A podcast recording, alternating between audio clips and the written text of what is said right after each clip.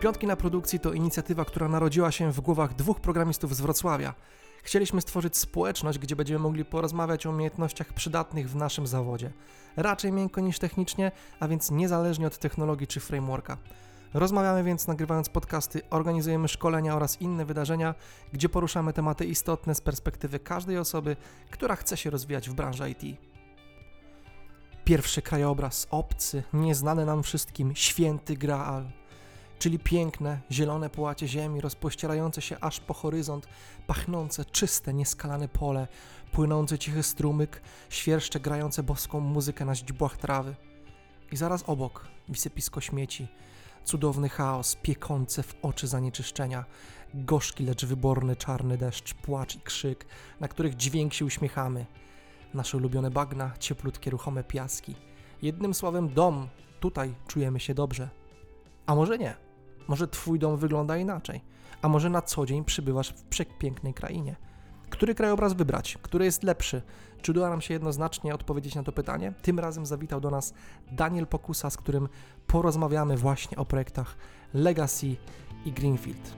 Zapraszamy.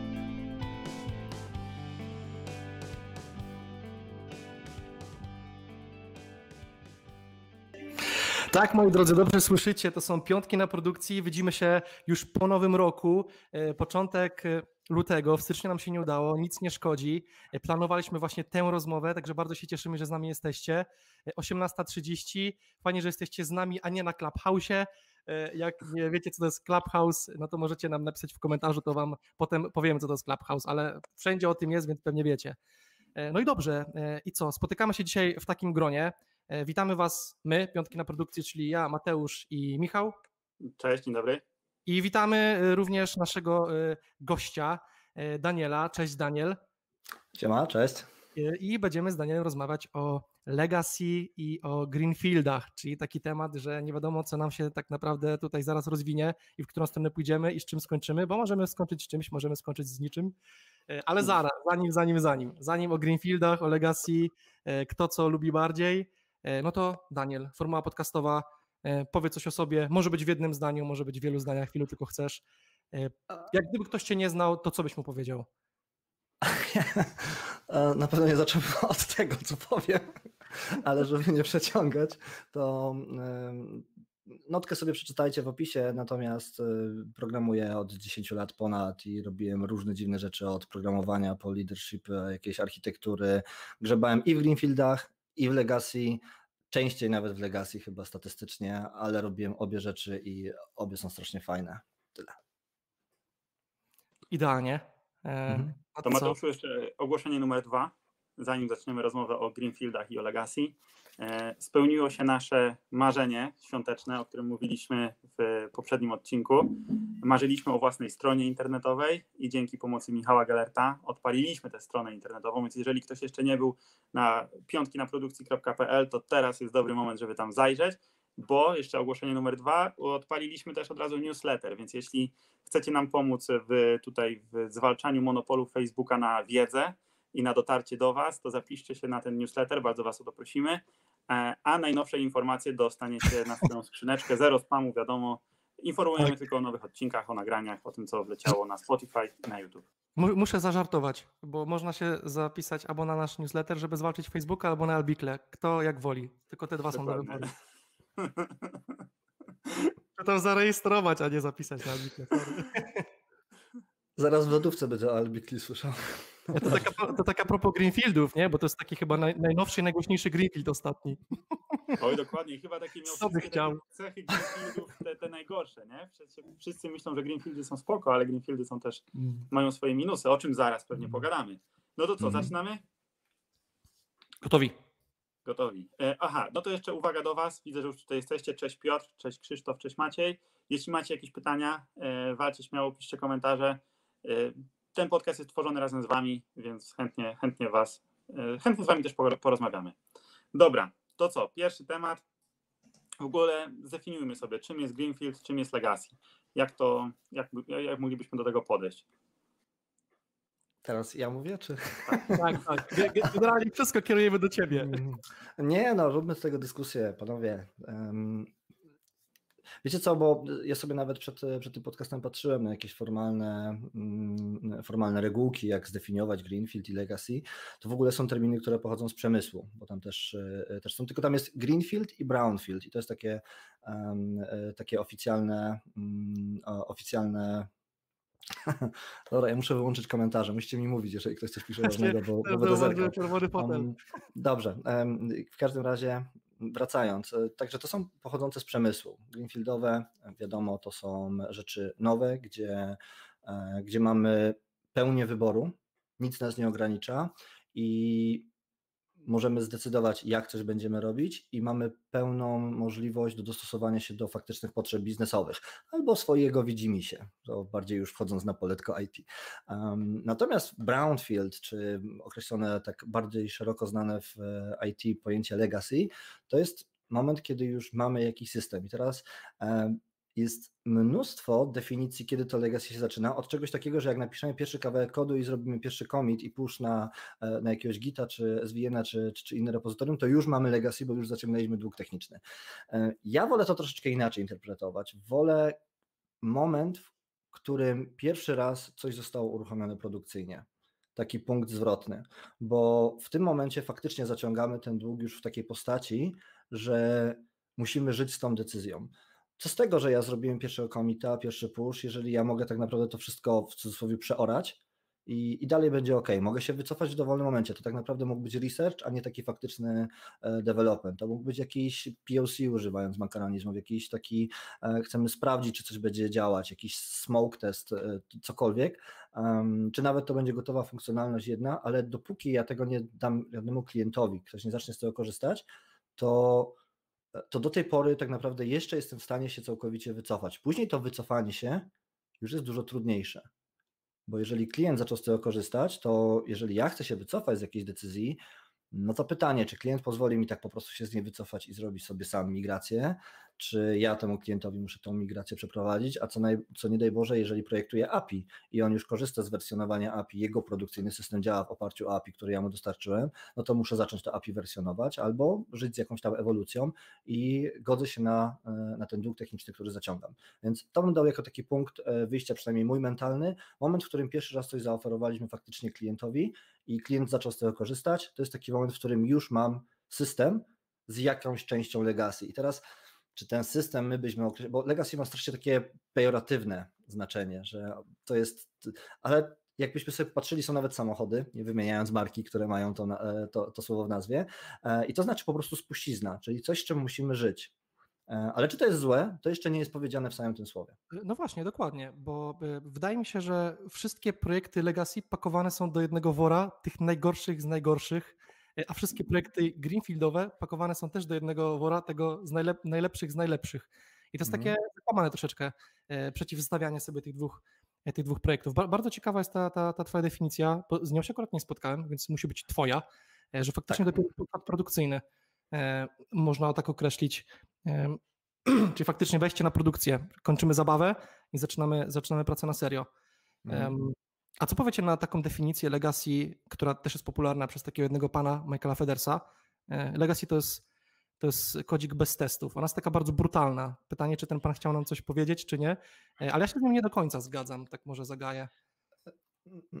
Nawet wiem, w której książce się to pojawiło, bo ja tą książkę szczerze polecę chyba w trakcie tego, e, tego spotkania, ale to pojawi się w pewnym momencie później pewnie, bo zawiera bardzo dużo bardzo fajnej wiedzy w tym kontekście. Ale też no, kurczę, e, kod, który nie ma testów, to jest po prostu zły kod. To, to, ja bym nie użył słowa, no chyba, że tak chcemy zdefiniować legacy. I właśnie o te definicje tutaj wszystko się zaczyna rozbijać w pewnym momencie, bo jeżeli sobie problem jest w tym, że nie ma takiej formalnej dla słowa legacy. Dla brownfieldu jest.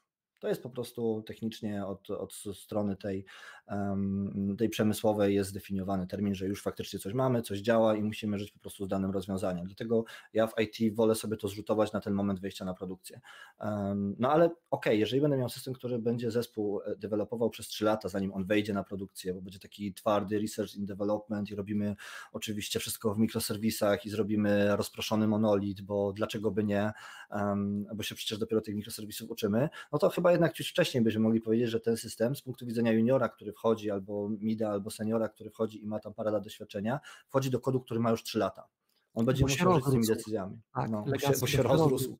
Tak, e, więc, więc ta moja definicja też nie jest perfekcyjna, żeby nie było, bo, bo też wtedy to bym, e, e, to bym zrobił. Natomiast popatrzę, jak sobie popatrzymy na to, co się dzieje na rynku, że jednak te rozwiązania powinny być dostarczane szybko i wszyscy mówią, że pracują w Scrumie, mimo że mało kto w tym Scrumie pracuje, ale wszyscy to mówią, więc tak naprawdę troszeczkę naciągając oczywiście, ale po tych dwóch tygodniach pierwszych, czy miesiącu, czy dwóch miesiącach tej pierwszej iteracji, ja mam coś, co powinno już działać. Znaczy coś, co oferuje jakąś tam wartość, nie?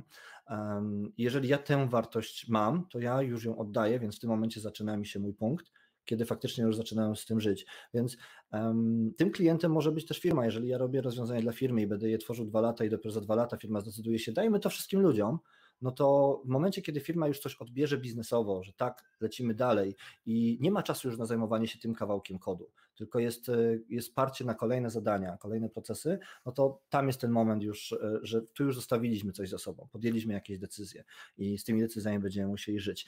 E, wracając do tego twierdzenia, o którym mówisz, że to jest kod bez testów, ja bym wolał tego nie używać w kontekście legacy, bo mi się to nie do końca podoba, ale może właśnie przez to, że wszystko wrzucamy do jednego worka. Tak, tak, tak. No bo właśnie tak, tak to jest z tym kodem e, legacy, że jakby ja, ja, spokojnie widziałem, nawet nie wiem, czy w takim nie pracuję, e, kodzie legacy, e, gdzie on już, nazwałbym go legacy, jest obtestowany. I mhm. dla mnie to jest legacy. On już sobie funkcjonuje, on mhm. już jest dość duży. Nie jest tak łatwo zmieniać rzeczy. Tutaj może bym też coś takiego dodał do tej, powiedzmy, wspólnej definicji. Już mhm. to nie jest tak obciub, że ja coś zmienię jutro, tylko potrzebuję kilku dni na przykład, nie? I o to zawalczyć, e, skoro trzeba robić feature'y. No ja bym właśnie się chyba tutaj zatrzymał na, na tych mhm. zależnościach, że legacy jest wtedy, jak już masz jakieś zależności, jeżeli już nie możesz sobie wziąć dowolnego nowego frameworka i go tam wrzucić do środka i po prostu żyć bez konsekwencji, tylko już twoje decyzje są zależne od decyzji podjętych wcześniej. E, mhm. W tym Greenfieldzie po prostu no, to jest tak reklamowane, tak, że mamy wybór y, możliwości, możemy sobie wybrać co chcemy, nowy framework, chcesz sobie zastosować kawkę, wrzucasz sobie kawkę. Chcesz to zrobić, nie wiem, na mikroserwisach, robisz sobie mikroserwisy. I generalnie nikt, nie ma, nikt, nikt ci nie przeszkadza w tym, nie? Mhm. A jeżeli już jest jakiś projekt, w którym już ktoś, ktoś tą kawkę wrzucił. Nieszczęsną I, i ty już jej nie chcesz, bo poszedłeś na drugą konferencję i przeczytałeś, że kawka już jest B i że też ma swoje problemy i chcesz zrobić coś innego i już nie możesz tego zrobić, no to już w pewnym sensie to jest jakieś tam legacy dla ciebie. Mimo, że cała reszta tego systemu bez tej kawki y, jest jeszcze kompletnie niezdefiniowana i tam możesz sobie gdzieś tam, nie wiem, wchodzić, robić co chcesz. I mhm. chyba tak bym tak, podszedł do tematu. Jak, ja bardzo często mam pytanie, y, czy, czy, coś da się zrobić w systemie, nad którym pracuję. To jest klasyczne pytanie, czy możemy zrobić to i to. I wiecie, nigdy w historii nie zdarzyło mi się powiedzieć, że czegoś się nie da zrobić, ale zazwyczaj odpowiadam, że to jest kwestia czasu i kosztów. Ja mam takiego, jak mam takiego mhm. kolegę, który mówi dokładnie to samo co ty, tylko mhm. inaczej. On, on, on odpowiada, to jest programowanie, tu się wszystko da. Tak, da się, tylko, tylko nawet jeżeli, wiecie, mamy system i trzeba by go było przepisać, no to się go da przepisać. No, pytanie, czy biznes y, łyknie taką pigułkę po prostu. Um, wracając do tych zależności, to wiecie, bo mm, jak popatrzymy sobie na, e, e, na system, to mamy takie, dlatego ja bardzo lubię robić biblioteki w jakichkolwiek architekturach. E, lubię te podejścia, które zawierają jakieś biblioteki, bo biblioteką jest taka fajna cecha, że możesz z niej skorzystać w tym miejscu, a możesz już jej nie korzystać w innym miejscu i to jest całkowicie ok. I da się łatwo z tego e, wycofać z pewnych decyzji. Po prostu przestajemy korzystać z takiej biblioteki. E, całkiem inaczej jest, jak bierzemy jakiekolwiek frameworki, rozwiązania takiej większej skali architekturalnej, które nas troszeczkę mocniej wiążą, bo jeżeli weźmiemy tą kawkę i będziemy mieć tam już kilka tysięcy eventów, które sobie tam latają i nagle stwierdzimy, nie, kawka to był zły wybór, i musimy zmienić tą kolejkę, to już nie jest to takie proste. Wiadomo, że się da, ale już nie jest to takie proste. Tak samo jeśli zdecydujemy się, że będziemy pisać, e, nie wiem, w Springu i będziemy robić aplikację heksagonalną, czyli weźmiemy sobie jednego monolita, będziemy pisać dużego Springa, to po roku takiego kodu, nawet jak on będzie piękny i czysty i będzie się w nim bardzo fajnie pisać, to stwierdzenie, teraz rezygnujemy ze Springa, już nie będzie takie proste mamy jakieś decyzje, z którymi musimy żyć po prostu. I to, czy one są złe, czy nie, różnie.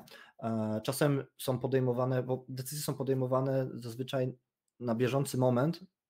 Na, no ogólnie nie znam ludzi, którzy chcą zrobić źle, Albo po prostu na czym się znają, więc decydują, albo są zajarani jakąś technologią i po prostu będą cisnąć na nią ile tylko się da, to, to się zdarza.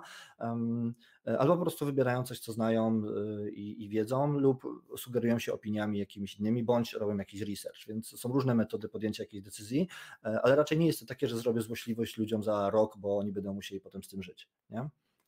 Zgadzam się.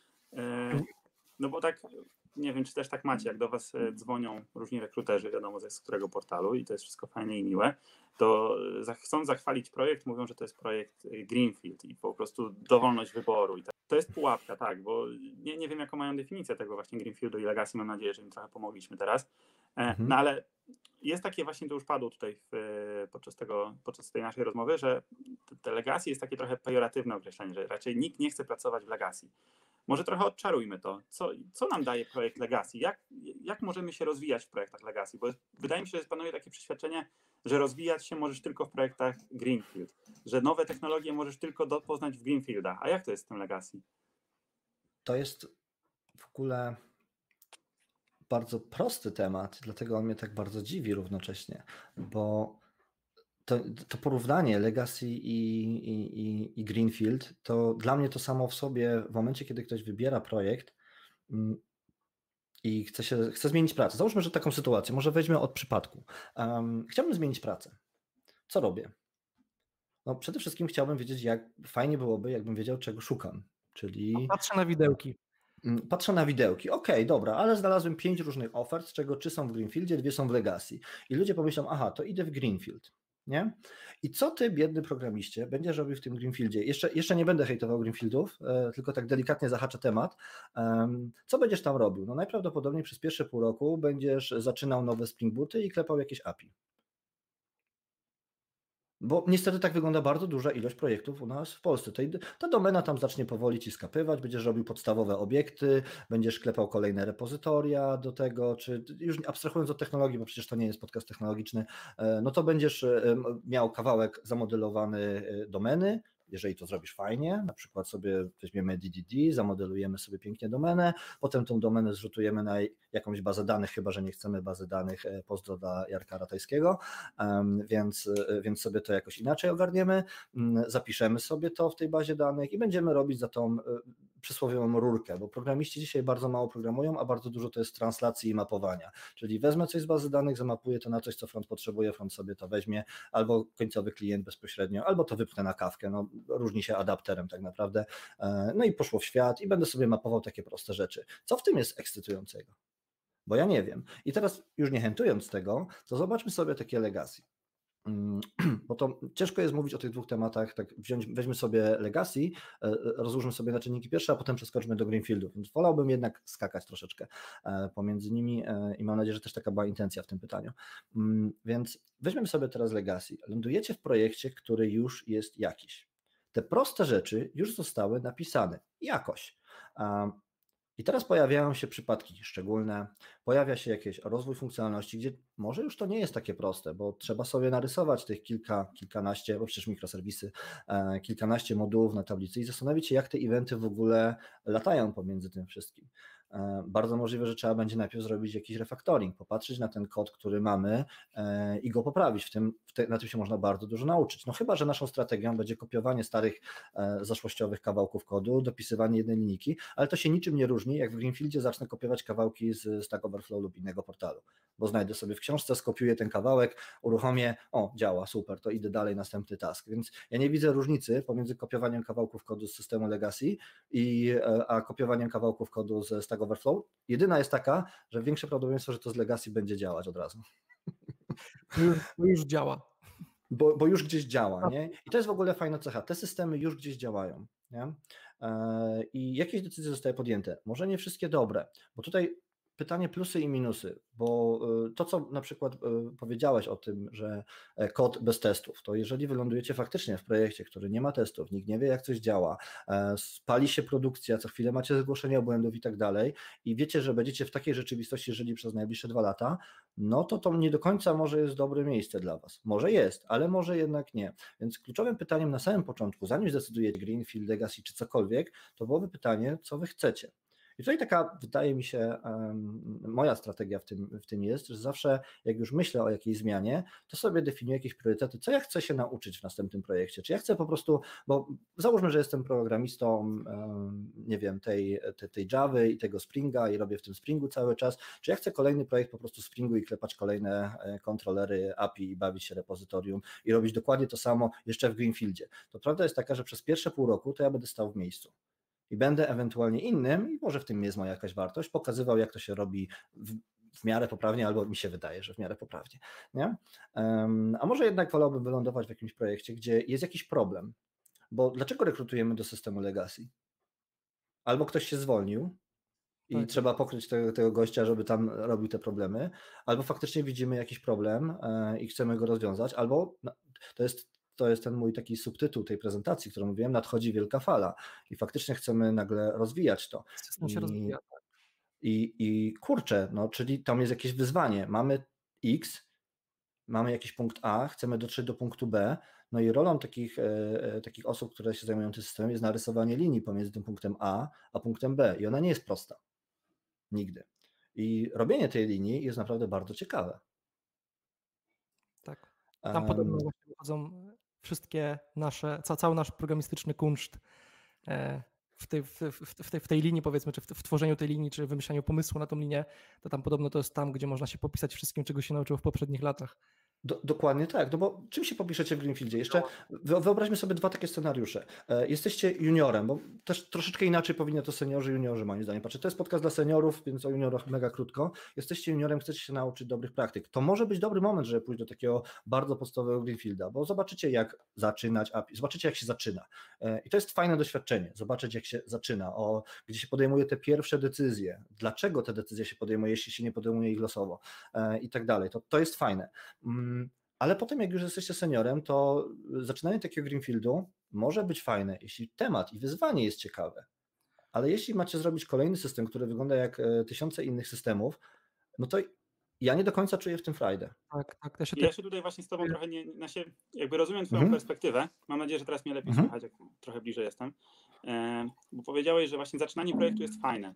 I faktycznie być może dla juniora to jest ok, bo pozna, zobaczy, mhm. jak to się robi, ale z mojej perspektywy, jak ja mam, nie wiem, po raz kolejny skonfigurować jakiś tam pipeline i po raz kolejny, no bo pipeline jest w każdym projekcie, tak? W każdym e, projekcie, nie wiem, skonfigurować testy, deployment i tak dalej. CI, CD. No dokładnie, mi się nie chce tego Ale to zauważ, i to powiedziałem, i to powiedziałem dla juniora.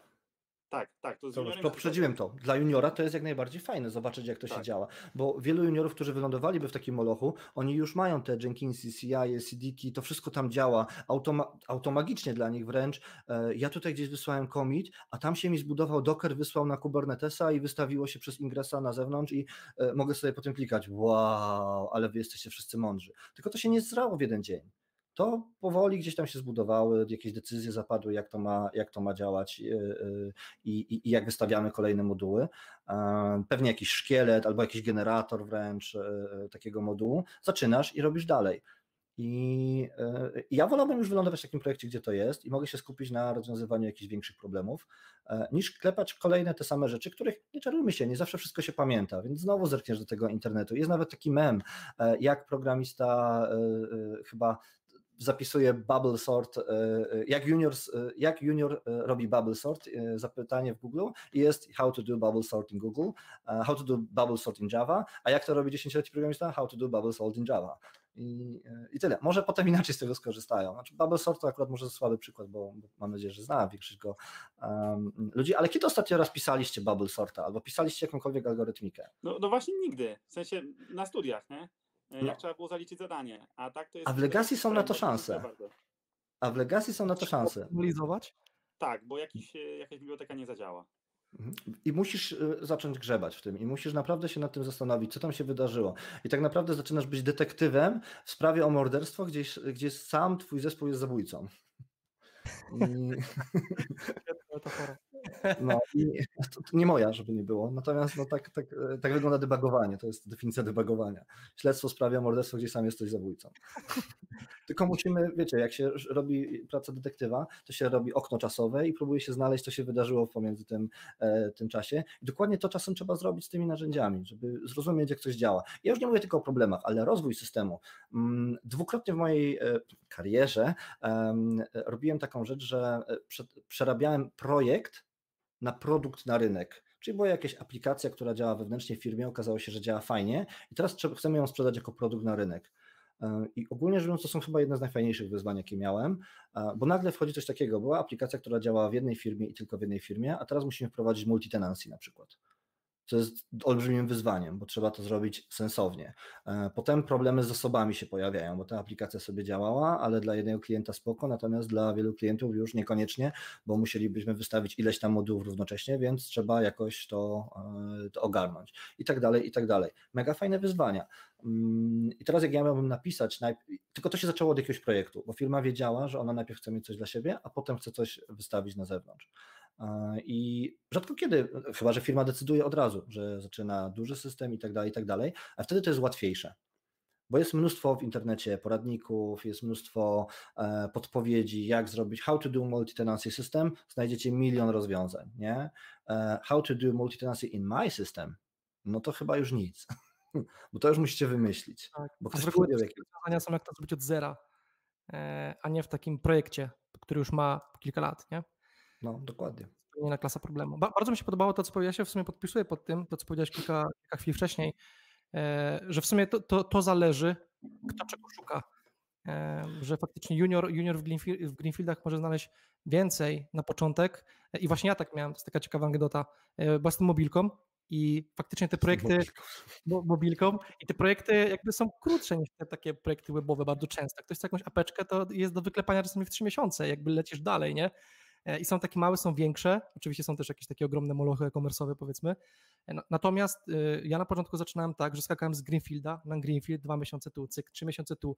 Byłem zahypowany tym wszystkim, co czytałem na blogach, e, na, na jakichś takich weekly newsletterach i faktycznie jakby plus był taki tego mojego początku, że mogłem wszystkiego spróbować. Ja wiem, że teraz, teraz ktoś się może z tym męczyć, z tym hype-driven podejściem i pewnie odchodzą z pracy przez to, ale generalnie faktycznie można było wszystkiego spróbować i tyle tych Greenfieldów, można powiedzieć, zżarłem, że już teraz mam dość. Ja teraz szukam hmm. legacy e, jakichś projektów, bo chcę spróbować nauczyć się e, nie wymyślać wzorzec projektowy, o tutaj wydaje mi się, że to jest strategia. Ja chcę zobaczyć, czy ona za dwa lata miała sens, a jeżeli nie, to zrefaktoryzować do czegoś innego. E, czyli jakbym się chciał nauczyć refaktoryzacji takich wzorców projektowych, a nie tylko wymyślenia architektury, fajnie by było jeszcze, żeby można było sprawdzić, czy ona miała sens, jak ona się zachowa w czasie, jak ją zmienić, potem troszeczkę, nie? Więc w sumie takim idealnym rozwiązaniem dla kogoś, kto miał tylko Greenfield albo tylko Legacy, byłoby też spróbowanie Greenfielda, bycie w nim, aż on się stanie Legacy, żeby jeszcze zobaczyć samemu, co się zrobiło, jakie miało się błędy, nie na czyichś błędach, tylko taki cały proces przejść, nie? To było takie, idealnie przynajmniej raz warto by było coś takiego spróbować. E, tutaj poruszyłeś mega ciekawy problem, jak długo powinno się siedzieć w projekcie, bo no, o ile jakaś tam rotacja pewnie jest, bo czujemy to zmęczenie materiału. O tyle mm, to się też różni pomiędzy juniorem a seniorem, ale żeby, żeby tak ustrukturyzować trochę, powiedzieliśmy sobie o tych juniorach. Natomiast ja widzę też sens, żeby senior wylądował w Greenfieldzie i to takim nawet najbardziej, przepraszam za wyrażenie, sztampowym. Dlaczego? Bo może ta osoba sobie postawi za cel, że ona się chce nauczyć na przykład e, budować zespół, być takim liderem grupy i chce pokazać. I wtedy może niekoniecznie chciałaby e, odkrywać nowe rzeczy, jeśli chodzi o technologię, e, tylko chciałaby się rozwijać i mieć czas i mentalność taką, żeby się skupić na członkach zespołu, żeby im pokazać ten kierunek, pokazać to wszystko. Chce się też czuć w miarę komfortowo na tym stanowisku, więc wtedy ta wiedza techniczna może być bardzo przydatna, żeby to pokazywać. Więc naprawdę wszystko zależy od tego, co sobie na samym początku zdefiniujemy, gdzie jest mój następny krok. Czy ja chcę się rozwijać technologicznie, no to nie idę w miejsce, gdzie będą dokładnie te same technologie, na Boga. Jeżeli ja chcę się rozwijać architektonicznie, to idę gdzieś, gdzie jest ciekawa architektura. I tutaj Legacy potrafią proponować naprawdę wiele, bo one mają często nie do końca fajną architekturę, bo tam już są jakieś błędy, już ta architektura jest. Tworzenie architektury od zera to znowu jest kolejna rzecz. Jeżeli ktoś chce się nauczyć architektury i ląduje w projekcie greenfieldowym, to jak dla mnie to no, powinien przynajmniej te 2-3 lata w tym projekcie być, żeby widzieć konsekwencje swojej architektury. Bo z architekturą niestety jest tak, że jak wszystko działa, to jest ok. Dopiero jak się zaczyna coś palić i nie da się czegoś zrobić, albo ktoś ci przychodzi z jakimś pytaniem i ty mówisz, uuu, pani, trzy miesiące, żeby coś takiego zrobić, cały zespół muszę wyciąć. Um, no to wtedy, a dlaczego? No bo tak i tak to zrobiliśmy wtedy i wtedy. To wtedy widzisz, jak twoje decyzje. Tak. Słucham? Nie przewidzieliśmy, ale to jest ten moment, kiedy zyskujesz wiedzę. Inaczej tej wiedzy nie zyskasz. Co z tego, że przyjdziesz, schrzanisz wszystko i pójdziesz dalej to wręcz możesz sobie sam wyrządzić krzywdę, bo się umocnisz, że takie systemy robiłeś. Jest mnóstwo takich domorosłych osób, które jakie ja systemy nie robiłem. Ja też popełniłem parę takich systemów, e, nie ukrywając. Też miałem podobny hype jak ty, e, ty Mateusz, na wzorce projektowe. Przeczytałem wszystkie wzorce bandy czterech i miałem projekt, w którym wsadziłem ponad 20. Żeby się I tam, tam po prostu fabryka abstrakcyjna to to było najprostsze, co tam było, nie? To po prostu fabryka fabryk, tam leciały po prostu takie rzeczy, że, że to, i współczuję ludziom, którzy muszą z tym programować. Um, I stamtąd tej wiedzy nie wyniosłem i w następnym projekcie zacząłem robić to samo, dopóki ktoś mi nie pomachał się kierą, że jak jeszcze raz tak zrobię, to mnie wyrzucą. Ale dzięki tobie albo dzięki nam, teraz te osoby mogą pójść do projektu Legacy i tak. spokojnie go porozwijać, perfaktoryzować coś e, innego. Dokładnie, dokładnie tak. Nie? Więc ja bym zaczął tak, jeśli jesteś, nieważne czy juniorem, czy seniorem, zacznij od tego, czego na, na, następnym kroku potrzebujesz, czego chcesz się nauczyć, czy to jest jakaś wiedza biznesowa, czy chcesz się nauczyć DDD, czy chcesz się nauczyć e, pracy z architekturą, czy chcesz się e, porozwijać w jakimkolwiek innym, e, innym kierunku. Jak chcesz, się roz, jak chcesz robić trudne problemy, to znajdź projekt, który już jest na rynku, bo tam te problemy trudne będą. Tylko też właśnie nie każdy, nie każdy Greenfield jest fajny i nie każdy Brownfield jest fajny. I od tego trzeba... To zanim do tego przejdziemy, mhm. Zanim do tego przejdziemy, to Dobrze. czas na komentarze od tutaj naszych widzów. E, może mi się uda wyświetlić. Maciej. E, zarówno Legacy, jak i Greenfield są super, natomiast przychodzi chwila, gdy masz serdecznie dość jednego albo drugiego i zmieniasz. I tak w kółko, i tak w kółko. Wydaje mhm. mi się, że to nie wymaga komentarza, tu się zdecydowanie z tym zgadzamy. E, Jeżeli Łukasz, czujesz się zmęczony jednym, to no dokładnie. To, to nie w projekcie jest problem, tylko czasami w firmie, nie wiem, wszystkim mhm. wokół. No. E, Łukasz, poza tym w Legacy możesz uczyć się dla odmiany na cudzych błędach. I faktycznie pytanie, tak, ja się z tym zgadzam. Ja się z tym zgadzam. Pytanie tylko, czy to jest fajne uczenie się na cudzych błędach. Bo musisz żyć z konsekwencją te, tych błędów. E, e, na pewno, na pewno w, dużym, w dużym, w wielu przypadkach podchodzimy tak jakby podchodzimy do problemu bez pokory, bo uczenie się na cudzych błędach to z reguły jest wytykywanie cudzych błędów, a nie faktycznie próba zrozumienia, ktoś zrobił to w ten sposób bo to jest po prostu, panie, ale to panu ktoś, wiadomo. Musimy zaorać od nowa, od nowa. E, e, tutaj bym tylko jedną uwagę zrobił, że jak najbardziej, e, cześć Łukasz w ogóle i fajnie, że jesteś i um, ogólnie to jest bardzo ważne, żeby się uczyć na, na cudzych błędach i też w kodzie to można się uczyć, szczególnie tych architekturalnych, natomiast tu jest jedna ważna gwiazdka, musimy być na tyle, nie chcę użyć słowa doświadczeni, mimo że do tego to się sprowadza, ale na tyle świadomi już, i umiejętni w kontekście oceniania, czy jakaś decyzja była dobra czy zła, żeby się móc uczyć na cudzych decyzjach w kodzie. Co innego jest przeczytać w blogu, gdzie ktoś ci napisze nie rób tak, ponieważ x, y, z i takie mogą być konsekwencje, a co innego jest widzieć kawałek kodu, czy kawałek rozwiązania jakiegoś większego modułów, komponentów, e, widzieć, że one źle działają, ale można nie zrozumieć do końca, nie, nie, można nie zrozumieć do końca przyczyny e, e, tych błędów, albo co gorsza wyciągnąć złą przyczynę, czyli aha, ktoś tu użył kawki, e, nam się to wysypuje, wiadomości nie docierają, więc kawka jest zła. Tak.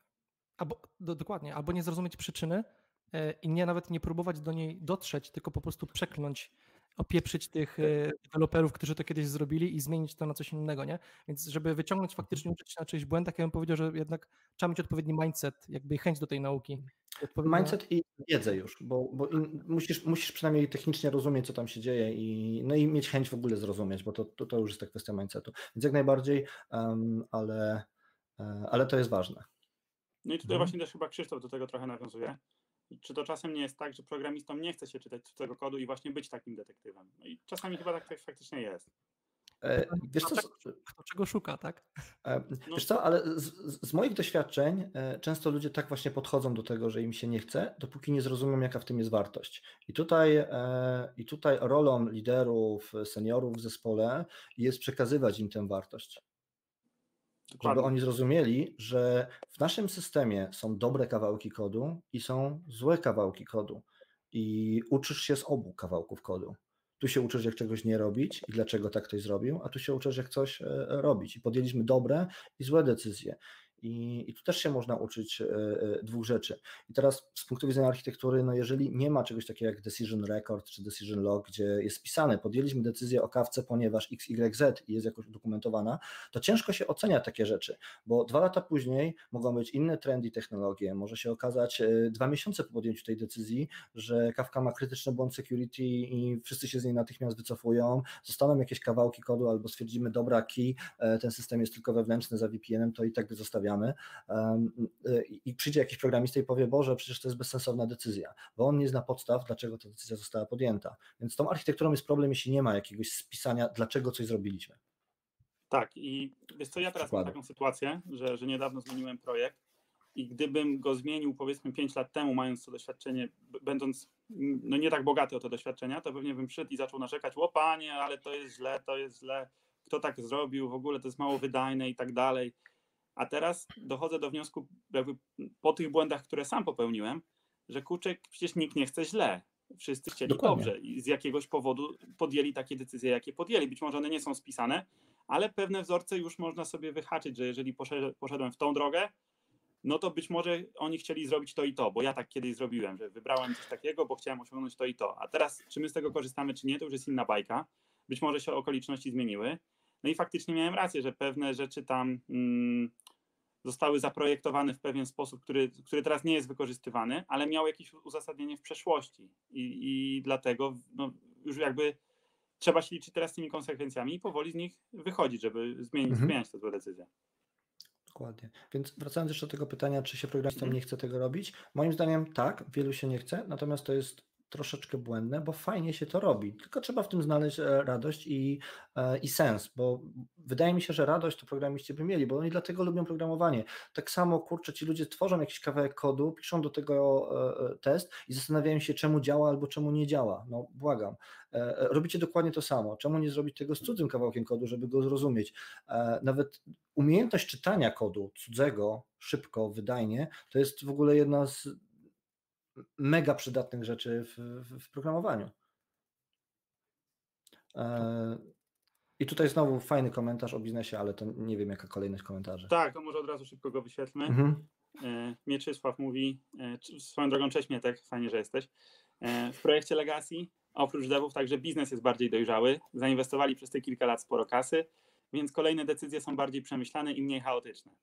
Nic bardziej mylnego. Na początku w Greenfieldach jest research, co chwilę dostajecie kawałki analizy. Nie spotkałem się z projektem, który miałby zrobioną analizę na tyle dobrze wcześniej, że wiemy dokładnie czemu, czego chcemy. Ja miałem tego pecha może, ale taka jest moja perspektywa. Z moich doświadczeń zazwyczaj bardzo często się zmienia koncepcje, bo dopiero one są doszlifowywane. Bo tu UX wymyśli coś troszeczkę innego, bo e, jeszcze takie pola, bo jakiś legal prawnik e, stwierdził, że jeszcze RODO coś tam, jakiś dodatkowy detal, albo jakieś dokumenty trzeba zrobić. Co chwilę się coś pojawia, a w momencie, kiedy już mam dojrzały system, to on jest jednak faktycznie bardziej stabilny i podejmuje decyzje, bo decyzje już um, są na potrzeby klientów sterowane, czyli wiemy, że potrzebujemy jakąś funkcjonalność. W ogóle nie wiem, czy znacie, jest taka statystyka, że e, pomiędzy 60 a 70% funkcjonalności systemów nie są wykorzystywane. My z aplikacji korzystamy z 30 do 40%. To e, Pareto pewnie. Jakbyśmy zeszli jeszcze o 10, to byśmy mieli 20. No blisko, ale raczej statystyka pokazuje w tą stronę. Raczej częściej czytałem, że 70-30, ale spotkałem się w literaturze 40-60. E, no ale tak jak sobie popatrzycie na swoje systemy, e, że robiliście jakieś bariery albo robiliście jakieś takie mm, sytuacje typu a co jeśli ten użytkownik będzie miał w koszyku 999 takich elementów i dorzuci jeszcze jeden, kiedy nasz jest na 1000. Wiecie, kurde, warunki brzegowe, tego typu rzeczy i my je obsługujemy, kiedy one najprawdopodobniej nigdy się nie wydarzą. Bardzo fajnie do tego e, podesz, podszedł jeden z takich naszych pomarańczowych e, systemów w Polsce rodzimie, e, gdzie, który był napisany w PHP i był przepisywany na, na Java i z tego co wiem, niektóre części dalej są napisane w PHP, po prostu nikt tam nie wchodzi. I nawet jak wejdzie raz na ruski rok, to po co to przepisywać? To jest właśnie legacy. Tam sobie jest i działa. Nie tak. ma co ruszać. Nie ma co ruszać. Dokładnie tak. E, świetnie. Też bym chciał się ustosunkować do tego komentarza, właśnie, że legacy są dojrzałe. Dodamy tylko tyle, że takie wieloletnie legacy są dojrzałe, bo gdzieś tam na początku wspomnieliśmy, że nawet po dwóch latach już coś może być legacy i to różnie bywa z tym dojrzałością biznesu takiego dwuletniego, jeszcze powiemy, że to jest startup. Natomiast z tego też wynika komentarza tak troszeczkę przeciwstawnie, że skoro legacy jest dojrzałe, to bardzo często greenfieldy są niedojrzałe. E, tam nic nie wiadomo i tutaj chciałbym, jakby nie wiem, czy już mogę tam wskoczyć, ale chciałbym na takie jakby zagrożenie wskazać, o którym bardzo rzadko się mówi, bo o tych greenfieldach myśli się jako o czymś cudownym, dlatego że wszystkie technologie świata, które tylko chce spróbować, to spróbuje i zapomina się całkowicie o kontekście biznesowym i procesowym, który towarzyszy projektom Greenfield. Więc taka osoba, która marzy o takim projekcie, bo chce spróbować nowych technologii, nowej architektury i tak dalej, gdyby się trafił Greenfield, ale w startupie, który jest zależny od inwestorów, i tam każdy dolar się obraca trzy razy, żeby zobaczyć, czy można wydać. Nie ma czasu, mamy trzy miesiące, a wymagania się zmieniają co tydzień albo codziennie, to będzie miała dość takiego Greenfielda po miesiącu. E, tak. I to też Greenfield. Nam nie będzie czasu na nic. Wszystko trzeba będzie sprawdzać, wszystko się będzie zmieniać, nic nie jest dojrzałe, nie wiadomo, wszystko jest nowe, e, więc e, wcale nie będzie takie cudowne legacy właśnie przez biznes i przez proces, które to może być młode. Nie? No. I się nie e, myśli. A bardzo duża ilość greenfieldów to są jednak startupy, które mają cykle inwestycyjne, to e, e, które mają cykle inwestycyjne, które co kwartał są rozliczane i bardzo często jest też tak, że inwestorzy mówią, dobra, dostaniecie następny budżet, jak zrobicie plan A. Więc tak naprawdę zespół pracuje i potem jest nagle taki chaotyczny moment niewiedzy, co się dalej dzieje i huf, ruszamy dalej. Jest rozluźnienie takie miesięczne, bo ludzie byli przez ostatni miesiąc w totalnej spinie i potem jest nagle takie rozluźnienie przez miesiąc, a potem znowu zaczyna się kolejna spina, bo się zbliża kolejny, kolejny odbiór. E, mega niefajnie się tak pracuje od strony psychicznej, ale też w tym jest jakaś wartość, bo można zauważyć, jak wyglądają tego rodzaju procesy biznesowe. Jeśli ktoś na przykład chciałby własny startup e, kiedyś odpalić, to fajnie jest znaleźć się w takim miejscu, nawet trudnym psychicznie, ale zobaczycie, czy sobie radzicie z taką, z taką presją. Znowu wrócimy do tego samego. Pytanie, czego ty szukasz w następnym projekcie? Bo są też greenfieldy, które odpalają olbrzymie korporacje, one wiedzą, że chcą mieć taki system, który będzie obsługiwał im logistykę transportu e, części e, tej konkretnej śrubki i chcą mieć po prostu system od obsługi tej jednej śrubki. Cechem domeny jest ta śrubka i wszystko wokół tej śrubki się kręci. E, także agregat główny jest znany od samego początku, to jest ta śrubka, która ma 7 boków i to nierównobocznych i musimy ją produkować i dostarczać do fabryk na całym świecie samochodów i czy innych tam, e, czy innych urządzeń. E, no i, mm, i chcemy zrobić po prostu taki system. Takim, takim, w takim Greenfieldzie się też totalnie inaczej pracuje, bo się może okazać, że wchodzicie do Greenfieldu i a, to weźmiemy sobie kawkę. A nie, nie, nie, nie, nie. Nie, nie możecie, bo tu jest lista technologii, które my aprobowaliśmy. Albo wiecie, e, no wiemy, że chcecie skorzystać z Mongo, ale my płacimy furmankę pieniędzy za Oracla, no i korzystajcie z tego Oracla, ale Oracle tu nie pasuje searcha, musimy, nie wiem, Elasticsearcha dorzucić, a nie, nie, nie, ale róbcie to jakoś na tym Oracle, bo, no bo, no bo musimy korzystać z tego, co jest. I możecie się okazać, że wam rekruter napisze, że to jest piękny greenfield, że pierwsza linijka kodu jeszcze nie została napisana, wchodzicie i wszystkie decyzje już są podjęte. Dlatego e, jeden z tych portali rekrutacyjnych, e, tych portali z ofertami, e, bardzo często jest tam taka flaga, kto podejmuje decyzję. Zwracajcie sobie na to uwagę, bo tam pisze często team albo architekt, Architekt to znaczy, że niekoniecznie on będzie w waszym zespole, on już podjął decyzję i koniec. Ja nie mówię, że to jest coś złego, ale fajnie jest o to spytać w tym procesie rekrutacyjnym, bo się możecie bardzo niefajnie zdziwić. Tak. Czyli tutaj znowu zataczamy taką pętlę w sumie do samego początku, gdzie powiedzieliśmy jakby, żeby nie wrzucać wszystkich Greenfieldów do jednego wielkiego wora z Greenfieldami, tak samo wszystkich mhm. Legacy do jednego wielkiego wora, bo jest naprawdę różnie. Natomiast hmm. proszę ciekawą rzecz, do której też chcę się odnieść.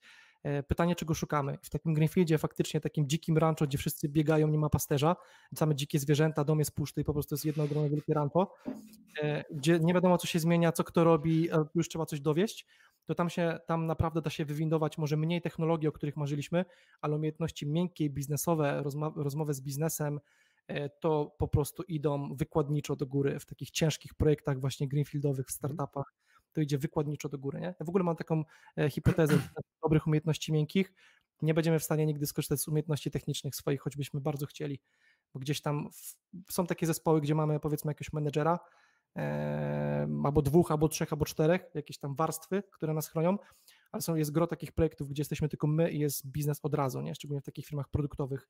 I wtedy mhm. jak zawalczysz, tak będziesz miał, obojętnie czy to jest Legacy, czy to jest Greenfield, jakie masz umiejętności miękkie, żeby porozmawiać o czymś, e, poprosić o jakiś czas, cokolwiek, no to jak sobie pościelisz, tak sobie wyśpisz po prostu, nie?